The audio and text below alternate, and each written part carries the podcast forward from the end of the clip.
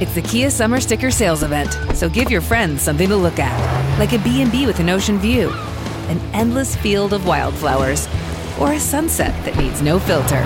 Make this a summer to share and save with a capable Kia SUV or powerful sedan. See your local Kia dealer or visit kia.com to learn more. Kia, movement that inspires. Call 800 334 Kia for details. Always drive safely. Sale applies to purchase of specially tagged 2024 vehicles only. Quantities are limited. Must take delivery by 7824.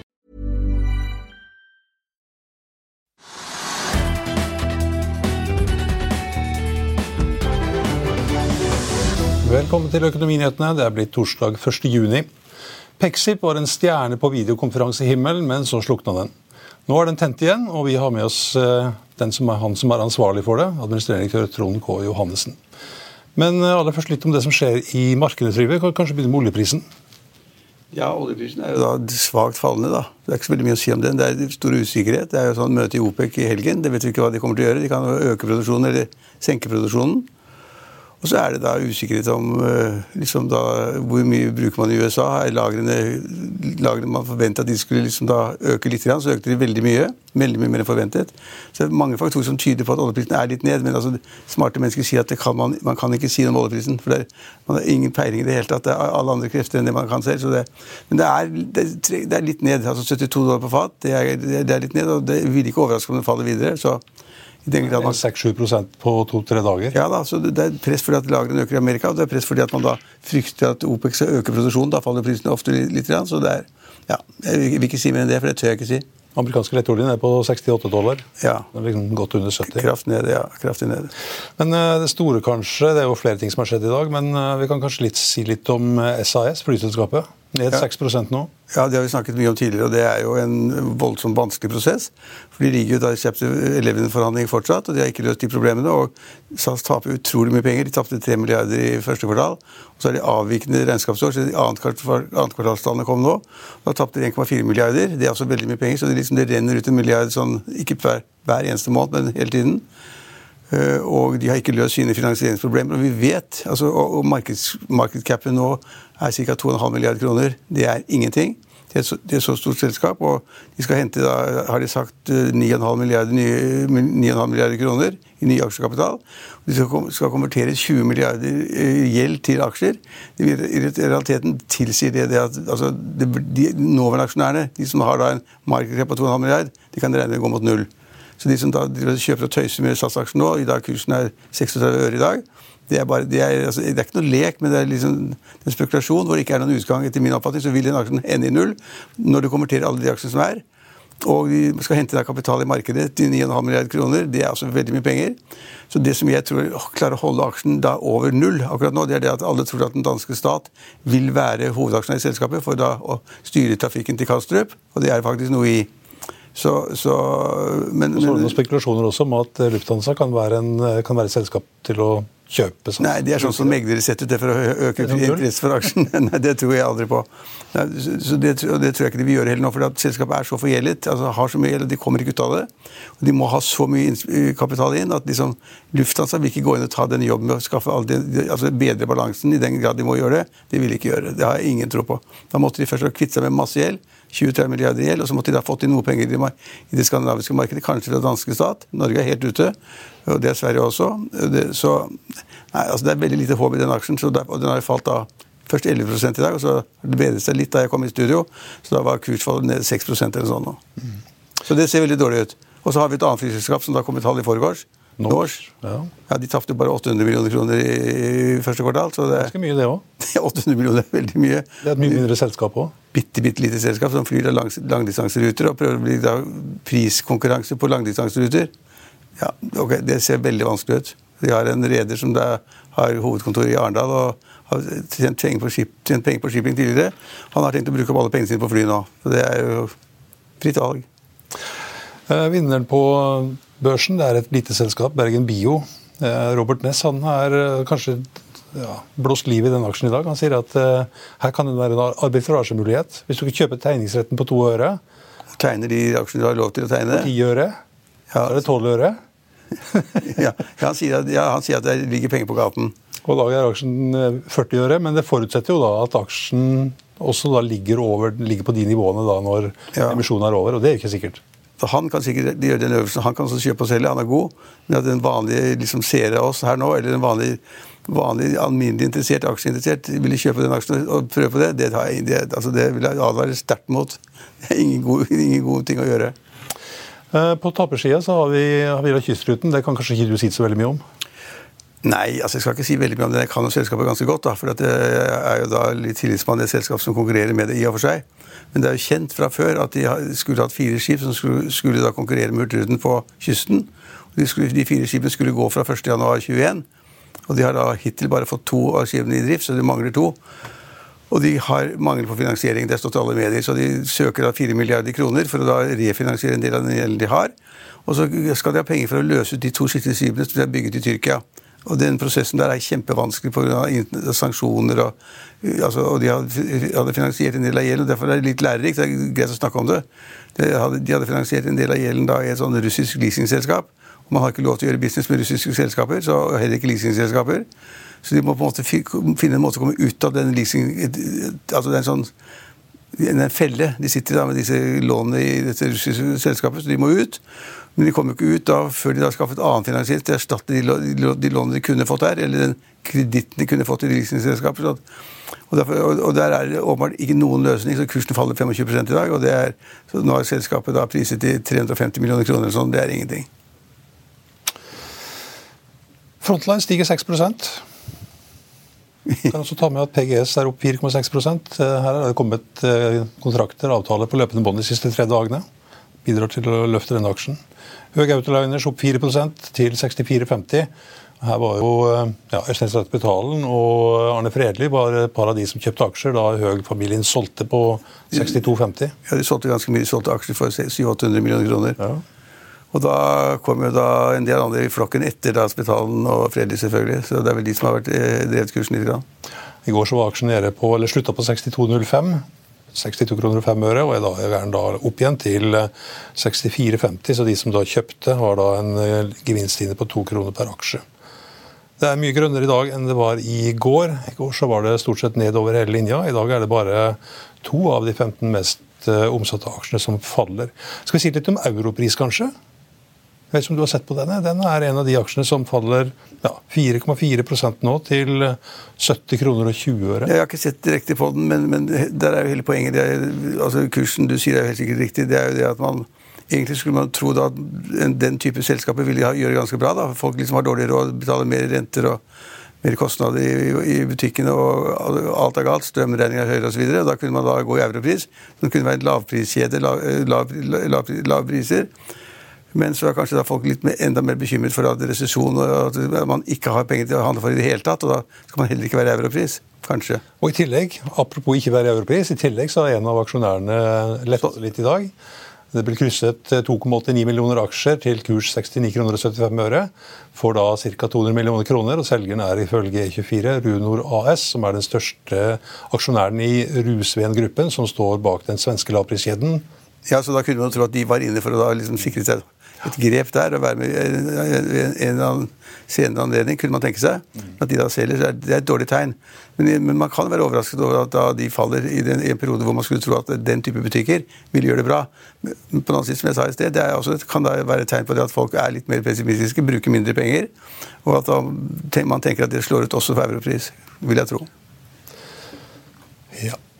Vi nevnte Frontline opp 6 og her kan vi nevne at eh, analytikeres oppjustering av kursmålene er medvirkende. ABG-analytiker Petter Haugen øker kursmålet fra 298 til 315 kroner, og øyner dermed en dobling av aksjen, som da ligger eh, på um, 167 kroner nå. Eh, I aksjen så er det 11 kjøpsanbefalinger, fire hold og ingen salgsanbefalinger fra analytikerstanden da i øyeblikket. Det, det der bør man kanskje nevne at ratene er veldig høye. da. Og Der, kom prognoser for enda høyere rater. Og Hvorfor er det slik? Ja, Det er ikke, ikke godt å si, men det kan jo tyde på det at eh, Tror jeg, da. At eh, seilingsavstanden er blitt mye større. Vil si at den oljen som Russland tidligere solgte til Europa, kanskje går til Kina og India. Og kanskje transportavstandene blir så lange at man trenger mer tonnasje. og Det, det på en måte har lagd et visst press i markedet og, drevet ratene raten opp, kanskje. Ellers, det er ikke lett å finne hvorfor plutselig skal det være så veldig stor oljetransport. at Frontal gjør det bra. Frontal har jo hatt problemer i mange år, men tankmarkedet er kjempesterkt. og det kan tenkes jeg sa nå, men jeg vet ikke. Man må regne på det. Ja, hvor mange skip Russland, med, med, olje går fra Russland til India? Hvor mange går til Kina? Og hvor gikk de tidligere? Hva er liksom differansen av det? Og hva er da utslaget på ratene? Det er veldig spennende. da. Ja, Vi har jo lest at Okeanis er en av de som frakter en del russisk olje, men så har da russerne kjøpt mange egne tankskip, og det vet vi vel kanskje ikke så veldig mye om. Nei da, men det er klart at hvis det er mange båter som går til India og Kina, så vil jo da på en måte summen til, til, disposisjon andre steder bli, bli mindre, og ratene går opp. Binder opp den tonnasjen eh, som kunne vært I konkurransen, ja. Mm. ja. Det var vel det viktigste, tror jeg, på Oslo Børs. Vi kan eh, ja, det er mye smått på, både på vinner- og taperlista. Eh, men vi kan jo nevne da Norse, som vi var innom. Den steg i går, har opp nye 8,5 i dag. Så tapet på 800 millioner det bryr ikke markedet seg om. Det er, ja, ja, og det er viktig å nevne det at utgangspunktet er viktig. Det er russiske prosenter. Altså Norse har jo steget liksom 80 nei, 100% eller sånn nå. Nesten altså 80-90% Og SAS har også steget da ganske kraftig. Så det, det varierer veldig, da. Norwegian opp 2,5 til 13 kroner og 27 øre. og Det betyr at aksjen er i ferd med å bryte gjennom et lite teknisk motstandsnivå på 13 kroner og 20 øre. Eh, høyeste vi har sett hittil i år er vel 13,70, så aksjen har vært oppe og snust på det området i dag. Etter en kort pause så har vi med oss administrerende direktør Trond K. Johansen i Pexip. I'll see you in court. Vi sier det ofte litt på spøk, men for deg som driver business, er det aldri moro å innse at du ikke har laget en 100% gyldig kontrakt. Du bør ikke risikere hele firmaet ditt fordi du synes dette med kontrakter er litt stress. En avtale er ikke en avtale. Du kan miste kunder, miste venner, ja, til og med miste inntekter om du ikke lager en skikkelig kontrakt, på alt mulig, egentlig. Men vi vet det er et styr. Kopimaskiner, tregprinter og haugevis av papir. Dessuten stoler vi jo på folk her i landet. Det er ofte litt kleint å skulle be om en signatur for alt mulig, ja, for mye av styret handler også om jakten på underskriften.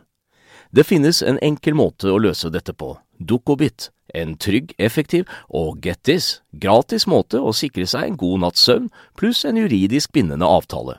Dukkobit-appen har de strengeste sikkerhetskrav i bunn, samt en EU-godkjent og sertifisert teknologi. Framover vil det bli behagelig å spørre du, skal vi skrive under på det, eller? Kom i gang på dokobit.no. Ja, da, da har vi med oss eh, Trond Johannessen i Pexip. Velkommen. Takk. Som vi sa innledningsvis, så var jo Pexip det var en stjerne på videokonferansehimmelen.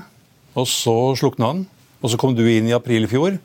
Men fra du kom inn og til eh, ja, oktober så falt aksjen 75% Hvordan var den perioden? Det var jo en krevende periode. Det var ikke noe tvil om det.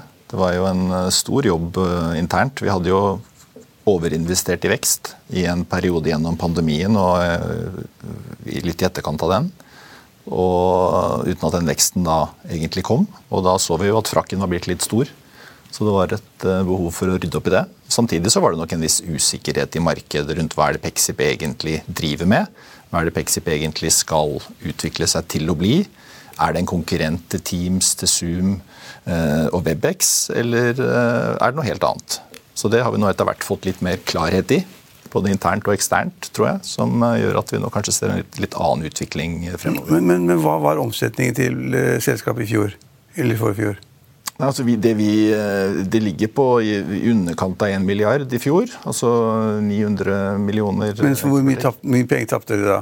I fjor hadde vi en negativ EBITDA på nesten 200 millioner kroner. Ja, det er veldig mye, da. Som vi snudde til en positiv EBITDA på 35 i første kvartal i år. Og Året før var det omsetningen på 500 eller sånn? Også. Ja, 600-700. Da var det negativ EBITDA på 140-50. Ja, men på nett nettotapet, da, var det var da 300-400, eller? Ja, altså det var stor, er er mindre, det, det blir større tap. Og, og, selskapet henter. Så du omsetter for 500-600 millioner og taper 300-400 millioner? sånn da?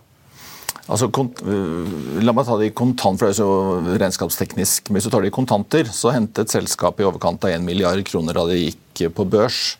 Og da vi startet uh, første kvartal i år, så hadde vi 419 millioner kroner igjen på konto. Og det jo, jo, ok, og midler på konto, det er én ting, men liksom hvordan... Så det på en måte var brent 600 Jo, men- millioner da, de to jo, jo, årene. ok, jo, det, men altså, finansieringen det, det er en ting, men jeg tenkte på Dere drev et selskap, du drev et selskap som da omsatte for 500-700 millioner, så tapte dere kanskje 300-400 millioner, da? Noe sånt nå? Ja, altså Nå begynte jeg i april i Ja, men hva, men, uh... i, ja, i år, ja. April i fjor, ja. ja. Ja, ja, men du vet du vet vel at du tapte året før? ja da, nei, altså, vi, men vi ja. Du sier EBITDA-tallet, men, men, men nettotapet var jo- må ha vært større. Ja, altså det er jo, en, det er jo en, det er ikke et sånt selskap som har veldig høye investeringer og en veldig høy eh, investeringstakt. Så la oss si at eh, jeg, så jeg husker ikke nøyaktig broen fra EBITDA til, uh, til eh, resultat før skatt. I, Nei, men det må være, det må være noen hundre millioner, da. så, det, så vi kan sjekke Jeg bare tenker på nei, var liksom, Hvordan er følelsen hvis man selger for 500 millioner og taper 400 millioner? Det er, liksom, det er, det er ikke så lett. Nei, altså Jeg var ikke der da, men det var sikkert ikke noe ålreit. Vi var inne på det, det var en litt tøff periode der. Men du brukte ikke stort mer enn en måned før du fant ut at her må jeg kjøpe aksjer, og så kjøpte du aksjer for en knapp million. Ja, altså det jeg, det jeg så da jeg begynte i Pexip, var jo en teknologiplattform som hadde noe for seg. Og, de, eh, og som hadde noe unikt ved seg, som jeg tenkte at her er det et potensial for å gjøre noe mer ut av det. I tillegg så, så jeg et selskap som jobbet med verdens ledende teknologiselskaper, Microsoft, Google, andre, på ganske interessante prosjekter. Eh, viktige prosjekter. Og dette er jo selskaper som kan velge hvem de vil i hele verden å jobbe med. Og så hadde de valgt å jobbe med, med Pexip. Så det var jo noe her. Det var jo en veldig solid kjerne, men som vi hadde kanskje unngått å få kommunisert ordentlig ut til markedet hva den besto av, og hvordan den kunne brukes da på, på nye måter. Men hvordan ser organisasjonen ut nå, da, etter at du har vært der i et drøyt år, mm. kontra det, sånn det så ut da du kom inn? Vi hadde ca. 570 ansatte i andre kvartal i fjor. Og vi er nå på ca. 320. Så vi har 145, 245 personer mindre. Det har jo da resultert i da i en kvartal over kvartal EBITDA-forbedring på 85 millioner, 87 millioner. Fra første kvartal i fjor til første kvartal i år. Og I tillegg så hadde dere tillagt noen andre kostnader også, kanskje? Som, som Ja, altså Det ble jo den der voldsomme investeringen. Det var jo bygget opp en, det var jo et mål om å nå 300 millioner dollar i gjentakende inntekter per år. Eh, Og toppen har vært eh, 100.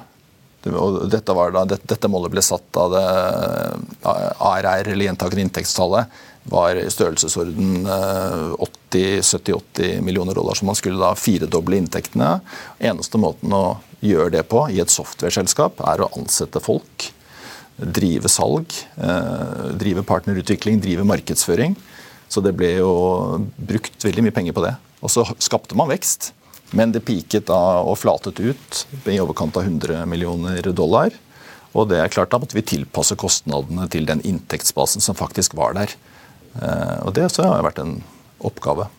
I desember i fjor, da hadde du faktisk ikke jobba så veldig lenge, men da gikk du ut i Finansavisen. Det var din datter Trygve som skrev et portrett på Johannessen. Og da lovte du overskudd i første kvartal. Ja. Hvordan kunne du være så sikker på det? Nei, altså det, det er jo i hvert fall én ting du har full kontroll på i et selskap, og det er jo kostnadsbasen din. Eh, Og I hvert fall i et software-selskap hvor du ikke har noen Det, det er jo ikke spesielt Det er, det er ganske forutsigbart. Kostnadene består, består i veldig stor grad av mennesker. Og vi hadde satt i gang en uh, prosess gjennom uh, andre kvartal, og vi kjørte en uh, runde to gjennom fjerde kvartal. Da så jo vi at, eh, og Inntektene er jo relativt stabile. Det er jo, det er jo abonnementsinntekter i veldig stor grad. Sånn at uh, matematikken var ganske enkel. Men hva ble, over, hva ble overskuddet? Overskuddet i første kvartal ble, ble 35 millioner i EBITDA. Ja, men etter ja, ja, men da, Jeg er ikke så opptatt av EBITDA. Nei, det går, vi Nei, kjøper, eh, kjøper ikke det så lett. Altså. Det er 22 millioner, vi må fortelle Ja, om det, ja, ja, 22 netto? Ja. ja, ja ok, ok. Så det, er, det blir overskudd? Ja, det blir overskudd, og, men det vi kanskje er mest eh, opptatt av, er dette her med å få den burn-raten på cash til å, bli, eh, til å få stengt ja, det borte. tette tullet i båten. ikke sant? Ja, ja. Vi hadde jo 47 millioner i positiv kontantstrøm, så vi økte da de 419 til 466 gjennom første kvartal. Og det har vært viktig for oss for å fjerne det emisjonsspøkelset som fort kan oppstå på, i et selskap som brenner mye cash. Da. Så nei, altså, Det var ikke så vanskelig å love det, eh, egentlig. Jeg følte meg ganske trygg på Det ble faktisk bedre enn jeg hadde trodd. Eh, tallene ble enda bedre, men at det skulle bli positivt, det var jeg ganske trygg Men 22 millioner er ikke så veldig mye penger, da? Nei, altså alt er relativt. Når du, når du kommer fra et underskudd på Når du kommer- Ja, det skulle si, Hvis du kommer fra et underskudd på 400 millioner, så er det bra, selvfølgelig. ja. vi, ikke sant? vi har jo sagt i år eh, eller fra de, ja. ikke sant? Så, Eh, Q1 ble jo da en opptur. Og aksjonærene, investorene, så at dette her kanskje kunne skje allerede i oktober i fjor. Da liksom bunna aksjen på rundt 8 kroner. Og nå er den opp 200% fra bunnen. Mm. legger kundene merke til det? De ansatte, er det bedre stemning i selskapet pga. det? eller? ja, det blir jo ofte sånn, da. ikke sant? At det, en positiv utvikling i en aksjekurs eller i markedet påvirker jo litt stemningen i et selskap. Eh, Og Det er jo på godt og vondt. Jeg har jobbet i selskaper hvor aksjekursen har gått ned. og Det er klart det, det skaper jo noe, en form for stemning, og så er det en annen stemning når det går opp. Så vi prøver egentlig å fjerne litt av det fokuset på aksjekursen internt hos oss. Vi snakker om å bygge et bra selskap, bygge inntekter, bygge lønnsomhet, og så kommer aksjekursen etter. Hva er verdien på selskapet nå? Stanova? Nå er det vel 2,3 milliarder. 2,3 milliarder, ja. Vi kan, eh, ja, han, han visste det. Det er en høy, multiple på 22. Ja. 22 kvartalet, da. Men, men, eh, men dere hadde da, som du sier, dere hadde en positiv kontantstrøm på 47 millioner i første kvartal. Er det der det bør ligge, eller bør det være enda høyere? Ja, altså, vi klarer nok ikke det. Det blir, det blir jo 200 millioner i kontantstrøm eh, på helårsbasis. Skal, det er nok ikke et urealistisk tall sånn på sikt, men jeg tror ikke vi skal legge oss på det i år. Det vi har målsatt i år, er en EBITDA da, på 100-150 millioner, og så en 40-60 millioner i kontantstrøm. Nå ligger vi jo allerede veldig godt an på kontantstrømmålet der, så eh, det er nok sannsynlig at vi leverer bedre enn det. Men eh, at et software, altså Vi har jo marginer på 85-90 vi har bruttomarginer. Og resten er jo stort sett faste kostnader. Så at et software-selskap skal være svært lønnsomt, det er det ikke noe tvil om. Og det må vi jo sørge for at det blir. Men alt avhenger av da, ja, nysalg selvfølgelig og vekst, men at også kundene som dere har, fornyer. Hvor, hvor, Ja. mange, hvor, mange, eller hvor stor andel av kundene er det som fornyer?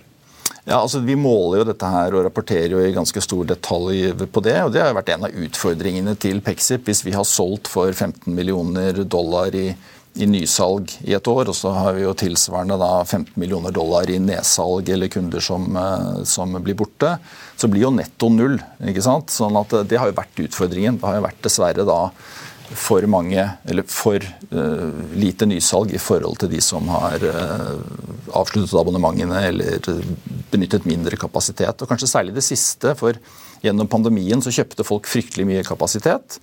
Og så så man at etter hvert at behovet var litt mindre, og så justerer man ned. Og det er klart da går inntektene til Pexip eh, ned. Hvordan ser det ut nå? Nå ser det eh, veldig mye bedre ut. Vi har jo guidet på flat positiv utvikling i totale abonnementsinntekter i år. Og vi leverte jo et negativt første kvartal, sånn sett. Eh, Og Det betyr jo at vi må jo tilbake til positive kvartaler i løpet av veldig raskt for å kunne levere på det målet. Det var ned 7% i første kvartal, var det det? Var det én kunde, eller var det flere kunder? Nei, I første kvartal så var det netto ned 1,3 millioner eh, dollar fra 99,6 til 98,3 millioner dollar i gjentakende inntekter. Så det var på en måte den deltaen i vår abonnementsbase gjennom det kvartalet. Og så må vi jo få snudd det til å levere positive kvartaler. Og så har vi jo akkurat inngått et eh, større partnerskap med Polly, som jo er et eh, HP-selskap, som egentlig da gir opp en del av det eh, tjenestespekteret de tidligere har levert, og outsourcer det til oss, eller eh, co-brander det med Pexip. Sånn at vår markedsandel eh, innenfor begge våre hovedforretningsområder forventes å øke ikke uvesentlig. Som vil da trolig bidra til en positiv utvikling. Og Det er nok også en av grunnene til at aksjekursen har utviklet seg som den har, da, siden vi annonserte det 1. mai. Kan du gi oss litt mer innsikt i det? Er det noen tallstørrelser som du kan dele, eller? Nei, altså Her har vi sagt, det har vært veldig konsekvente på, at uh, uansett hvilke tall jeg sier her, så blir det feil. For vi har egentlig ikke nok innsikt i hvordan vi vil konvertere den kundebasen, hvordan prisingen på det vil bli, og hvordan dette her vil utvikle seg. Men uh, det kan umulig være negativt. Så et positivt bidrag vil det nok eh, være. Men vi får komme tilbake til det når vi presenterer Q2, tror jeg. akkurat hvordan. Hva, hva er verdiene på dine aksjer? Verdi, Ja, Verdien av din post, hvor stor er den? Nei, jeg har 88 000 aksjer, så ganger med 24, da. Så den er to, drøyt to millioner. To millioner. ja. Så har du kjøpt for eh, ja, du kjøper litt mindre. Du er i pluss. Jeg er i pluss. Er i pluss. Både du og styreleder har drevet og kjøpt aksjer ja. både på nedadgående og på litt oppgående. Hadde jeg hatt mer penger, hadde jeg kjøpt mer, men, eh, men eh, sånn er det. Men Har, har dere noen nye produkter på gang? Du nevnte samarbeidet med Poli, men det kommer vel kanskje ikke noen nye produkter ut av det? eller? Det du kan si som vi jobber veldig mye med om dagen, er jo dette med sikre møter. Og det, og det, Pexip leverer jo teknologi som er veldig godt egnet for møter som ikke av en eller annen grunn kan foregå på en offentlig skyplattform av typen Assure, av typen uh, Google Cloud eller eh, Amazon eh, Teams, tjenester. Jo, de foregår jo på Assure. ikke sant? Men De Sånn bruker jo alle. Alle bruker Teams og Google og sånn. så det er jo... Men det er en del som ikke... Er det noen risiko ved det? Ja, det er en del som eh, av ulike årsaker altså, som eh, av ulike årsaker ikke kan bruke det, fordi at de må vite hvor dataene er. Og F.eks. eksempel, Hvis du tar eh, svenske len, fylkene i Sverige, svenske offentlige institusjoner, har veldig streng eh, regulering på hvordan de kan bruke amerikanske skytjenester, for å si det veldig enkelt. Og de, det kan de ikke gjøre. Fordi at da kan dataene aksesseres av myndighetene fra, en fra, fra et annet land, i teorien. Så da må de ha en eh, videokonferanseplattform, en collaboration-plattform, som er hvor de har full kontroll på hvor de dataene er. Og Det kan da være i et datasenter, det kan være i en nasjonal sky som bare kan være tilgjengelig for innbyggerne i landet, eller det kan være eh, på serveren i kjelleren. Og Den teknologien som gjør det mulig å ha et fullverdig møtesystem, samhandlingssystem, eh, uten å bruke en sånn amerikansk sky, det har Pexip. Så vi har en voldsom utvikling. Og, det, og dagens geopolitiske situasjon har gjort dette her enda mer aktuelt. Eh, landene lukker seg, eh, vil ha tjenester og, og løsninger som er da, bokset inn. Og tilliten til at andre land kan levere tjenesten også på lang sikt, eh, er da redusert. Så da trenger man en, en løsning som man har full kontroll på. Og her kommer Pexip inn. Og her er vi helt unike. Det er ingen andre som kan levere en tjeneste som både kan brukes i en sky, på serveren i kjelleren eller i et eget eh, datasenter. Eh, Er det Zoom som er den største eh, konkurrenten deres, eller? Nei, altså Zoom er jo en ren skytjeneste. De leverer jo en videokonferanseløsning. Altså vi, vi, jeg pleier å si det sånn at det, innenfor det som er interoperabilitet, som hvor vi kobler sammen ulike møteplattformer og tilbyr en tjeneste til en organisasjon som gjerne kan bruke Microsoft til alt mulig annen samhandling. Men i møterommet så bruker de Pexip for å kunne effektivt ta møter på alle plattformer. Zoom, Webex, Google på en gang. Eller, i, vekselsvis eh, i løpet av en dag. Der har vi én konkurrent eh, nå, og det er Cisco, som har en tilsvarende løsning. Det var Polly, men de har jo da valgt å gå til oss og spørre om vi kan levere den tjenesten for dem istedenfor at de gjør det selv. Innenfor sikre møter så har vi eh, to konkurrenter. Det er Skype for Business Server, som jo eies av Microsoft. Som egentlig har annonsert den teknologien og den plattformen End of Sale og End of Life i løpet av nær fremtid. Og så eh, er det Cisco igjen, med det som, heter Cisco, en, Cisco møteserverløsning, som de kan levere for eh, installasjon i kjelleren. Men that's it. Eh, Dere fikk en sånn eh, FedRAMP-autorisasjon, eh, leste jeg om. Eh, Hva, hva betyr det, og hvor viktig er det? Vi jobber jo veldig mye med amerikanske føderale myndigheter og de ulike organisasjonene der som er veldig opptatt av hvor de har dataene sine og sikkerheten rundt det.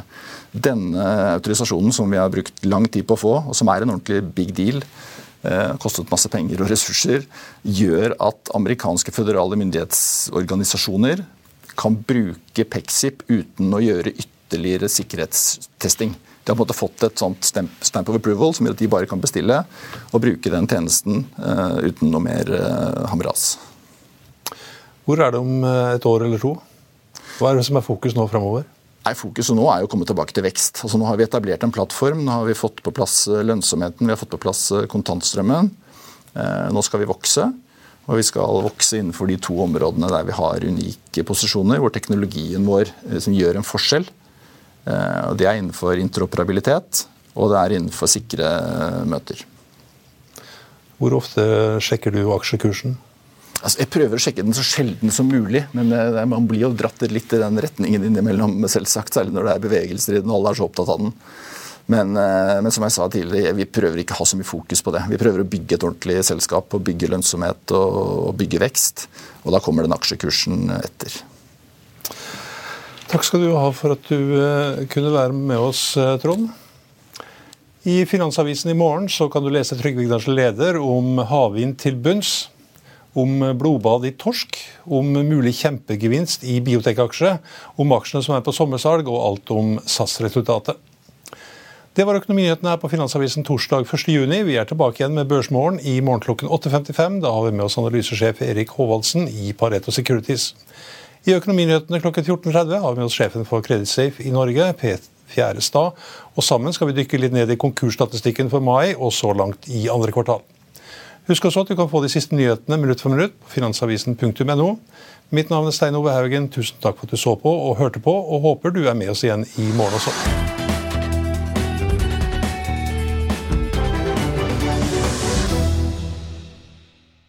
Økonominyhetene er en podkast fra Finansavisen. Programledere er Marius Lorentzen, Stein Ove Haugen og Benedikte Storm Bamvik. Produsenter er Lars Brenden Skram og Bashar Johar. Og ansvarlig redaktør er Trygve Hegnar.